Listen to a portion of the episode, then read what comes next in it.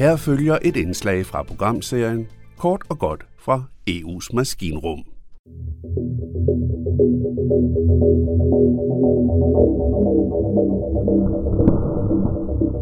Billederne her, de er fra Gaza, hvor missiler er blevet sendt ind i det sydlige og centrale Israel. Det israelske militær oplyser i udtalelsen. Nyhedsmøllen kører hurtigt. Infiltrationer fra Gaza. Den palæstinensiske Hamas-bevægelse, der kontrollerer Gazastriben, har taget... Lige nu er det konflikten i Israel. 5.000 missiler er blevet sendt afsted. Blandt andet imod den israelske by Tel Aviv har man altså her til morgen kunne høre luftalarmer. Tidligere var den anden konflikt, der fyldte mediestrømmen. Konflikten i Israel har fået en del politikere i Europaparlamentet til at kræve et stop for den støtte, palæstinenserne modtager fra EU og EU-landene. Det er blandt Dansk Folkepartis Anders Vistesen. EU-kommissionen har sagt ja til at se støtten efter i sømne. Se om pengene f.eks. kommer i de forkerte hænder, altså i Hamas' hænder.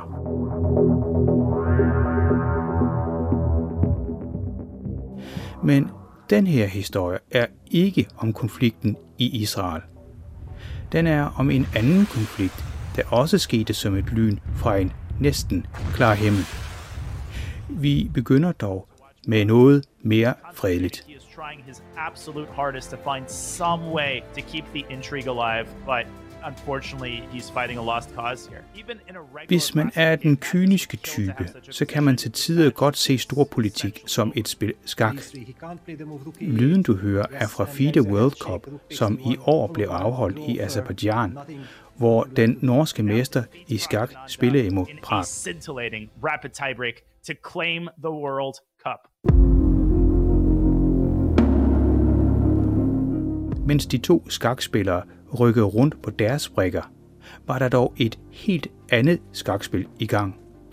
Et stort politisk spil, der lige nu har sit epicenter i netop Azerbaijan. Et spil, som også godt kunne minde om et andet spil. Domino. Ikke selve det officielle spil, men mere det spil, hvor en brik får den anden til at vælte, og så til sidst vælter det hele. For mens norske Magnus flyttede rundt på sine brækker i verdensmesterskaberne i skak, så var den azerbaijanske regering i fuld med at flytte sine brækker til det angreb, verden forleden vågnede op til. På det tidspunkt havde landet allerede lukket for alle forsyningslinjer til enklaven, som blev de facto udsultet. I bogstaveligste forstand. Uden de vestlige lande eller medierne tog særlig meget notits af belejring i øvrigt. Men så kom selve angrebet – Naturligt nok fyldte angrebet i mange medier. I hvert fald i udlandet, mens hovedhistorien i TV-avisen var de stigende billetpriser i DSB. Her kommer nu TV-avisen 21. Velkommen til. Det kan jo ikke passe, at det er billigere at flyve til Paris, end det er at tage toget fra København til Randers. De varslede prisstigninger i den kollektive trafik får ikke kun pendler, men nu også flere politiske partier op af stolen. De frygter, folk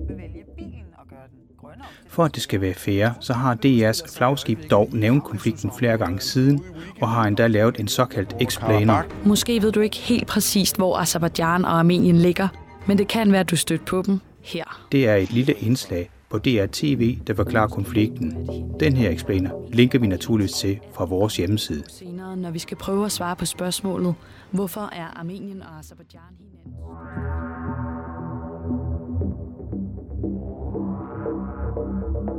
DR er dog ikke den eneste, der kan kritiseres for at have sovet i timen, mens der skete det, som med den internationale anerkendte eksperts ord, Lawrence Blawers, kun kan karakteriseres som en regulær etnisk udrensning.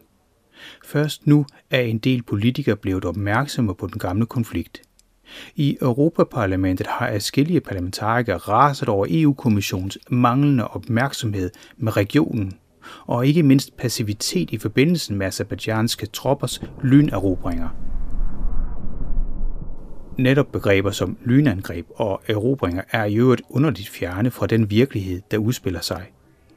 Krig og erobringer kan oversættes direkte til død og ødelæggelse samt strømme af blod og tårer. бомбили Дети вот убежали в школу, они прямо в минометом туда стреляли. her hører du flygtninge fortælle om overgreb og bombardementer. Manden forklarer også, at han aldrig vil vende tilbage. Mange armenske flygtninge spørger sig, hvor vestens hjælp bliver af. Men der er en grund til, at EU ikke rigtig kan gøre noget.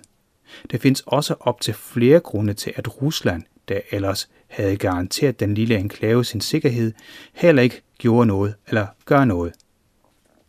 Der findes mange grunde til at være ret bekymret for udviklingen i øvrigt. Og her er vi tilbage med vores indrømt brutale og kyniske sammenligning med et spil skak. Hæng i, kære lytter, for det her vil selv få indhold i den ellers kendte og meget brutale fiktionsserie Game of Thrones til at blegne.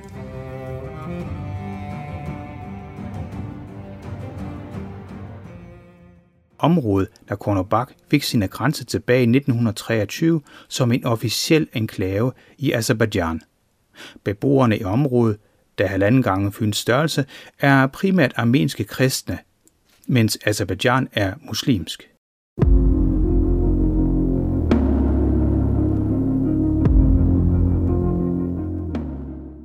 At religion naturligvis også her spiller en rolle, er klart. Men rollen er knap så klart. Der har været flere konflikter igennem tiderne, hvor de to parter gensidigt har forsøgt at uddrive hinanden. I 1988-94 var det armenerne, der fordrev azerbaijanerne fra enklaven. Så flygtningestrømme i det område er ikke noget nyt. Konflikten står dog ikke kun mellem de to parter. Begge parter får nemlig støtte af andre og større spillere. Nagorno-Karabakh fik støtte af nabolandet Armenien, mens Azerbaijan får støtte af Tyrkiet. Den tredje spiller er Rusland, som er, eller rettere var, på Nagorno-Karabakhs side. Mest fordi de støtter Armenien, hvor mange indbyggere i øvrigt er pro-russiske. Efter den sidste krig i 2020 var Rusland maler i konflikten og sendte fredsbevarende styrker ind. Men de styrker blev delvis trukket ud lige inden angrebet, og dem, der var tilbage, så stilsigende til, mens udrensning sendte ca. 100.000 armenske indbyggere på flugt. Hvorfor gjorde de russiske fredsstyrker ingenting? Ja, det er her det store politiske skakspil kommer ind i billedet. Rusland er nemlig presset på grund af krigen i Ukraine, både økonomisk og politisk og militært.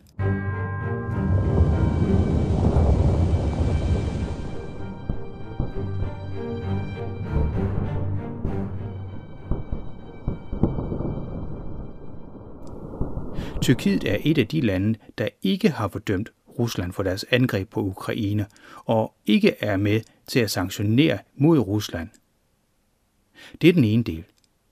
Tyrkiet har tidligere købt en hel del militært isenkram fra netop Rusland, og samhandlen eksisterer også på andre områder. Samtidig med, så har Tyrkiet et meget stærkt militær. Så Rusland skal tænke sig rigtig meget om, inden de går i krig imod tyrkiske interesser. Hvor meget Putin og hans håndlanger har tænkt, er ikke til at vide. Men de har helt sikkert været noget irriteret, for sit mildt, da Armeniens premierminister sendte sin kone til Kiev og officielt har fordømt Ruslands angreb på Ukraine. Desuden har Armenien proklameret, at landet vil tilslutte sig den internationale straffedomstol. Det betyder i givet fald, at Putin vil kunne arresteres ved et eventuelt besøg i Armenien. Dermed miste armenierne så deres ellers ret faste støtte, og det er naturligvis blevet noteret i Azerbaijan. Med den skakbrik ud af spillet, så er der Vesten tilbage.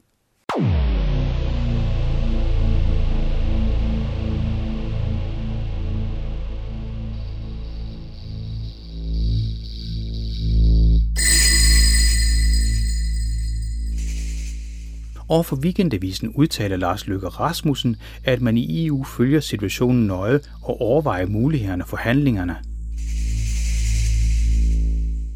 Ja vel ja.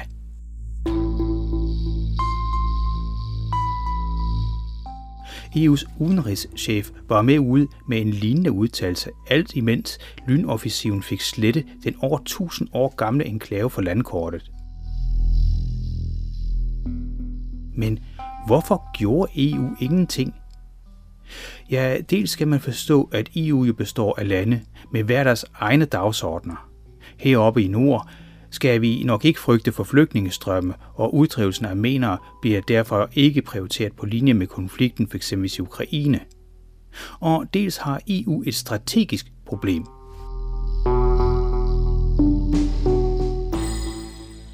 Også her er en del af omdrejningspunktet netop konflikten i Ukraine.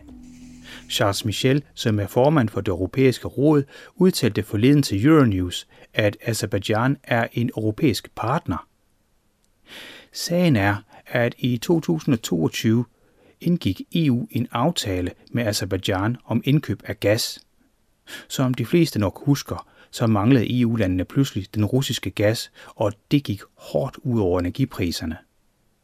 Så tanken om at skabe mere ustabilitet i energimarkedet får nok EU's regeringschefer til at tænke sig om en ekstra gang. Det betyder ikke, at alle er stille i Europaparlamentet. Her har det dog ikke skjort på opfordringen til at opgøre med den nuværende EU-politik overfor Azerbaijan. Blandt andet opfordrer Marianne Kuljan, som er chef for EU's Sydkaukasus-delegation, til at sætte hårdt imod hårdt. Andre fastslog højlytte, at det her er en trussel imod selve Armenien også. Det kan der være noget om, som vi om lidt skal høre. Men først lige en anden brik, der står i vejen for, at EU-brikken kan flyttes og hjælpe den lille nu ikke eksisterende enklave. Det er igen Tyrkiet. Dels er Tyrkiet et af de største medlemslandene i NATO, men det er især på grund af landets rolle med at dæmme op for flygtningestrømmen til EU, at EU-landene er varsomme. Går de imod Azerbaijan, kunne det opfattes som om de går imod Tyrkiet også, og Vesten har jo en del gange oplevet, hvordan tyrkisk indrigspolitik pludselig fik særdeles uheldige konsekvenser for EU-landenes udenrigspolitik. Eller f.eks. Sverige og Finlands optagelse i NATO, som blev blokeret af netop Tyrkiet. Rusland og Tyrkiets tilnærmelse til hinanden gør situationen endnu mere sprængfarlig.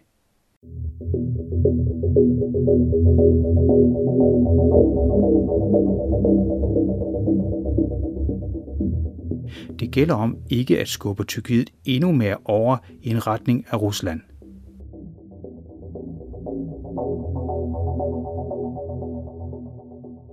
Så EU-brikken er altså sat i skak. Det spil havde Azerbaijan forudset. Timingen i deres øjne var perfekt, da angrebet skete – Inden da havde man oprustet længe med moderne våben og militært udstyr fra især Tyrkiet og Israel.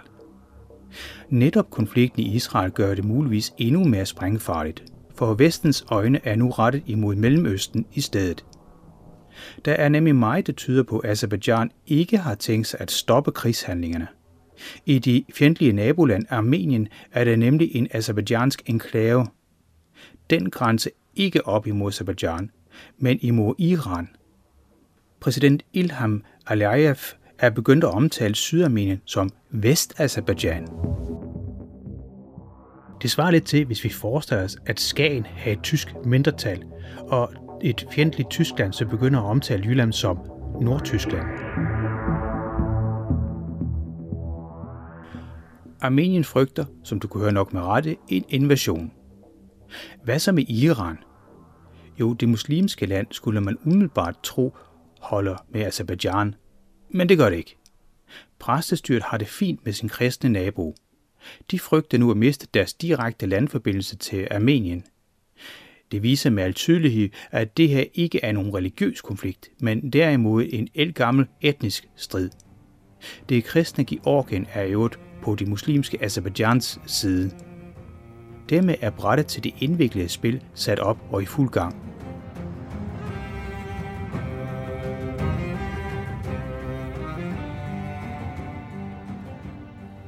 Pointen er her, at der er rigtig mange interesser på spil. Der er også rigtig mange spillere, og resultatet er, at ingen kan eller vil gøre noget for at stoppe den etniske udrensning. Den ustabilitet, krigen i Ukraine har sat i gang, har nu spredt sig. Den kan sagtens sprede sig endnu mere.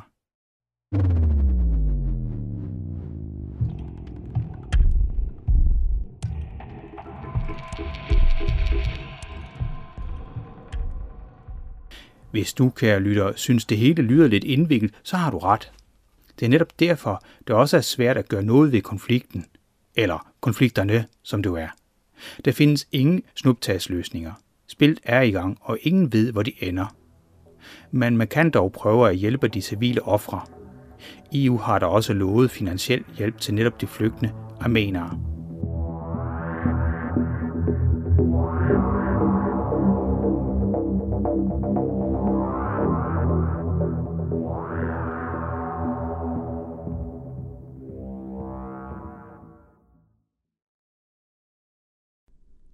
Det var kort og godt fra EU's maskinrum. Journalisten, han hedder Jan Simmen.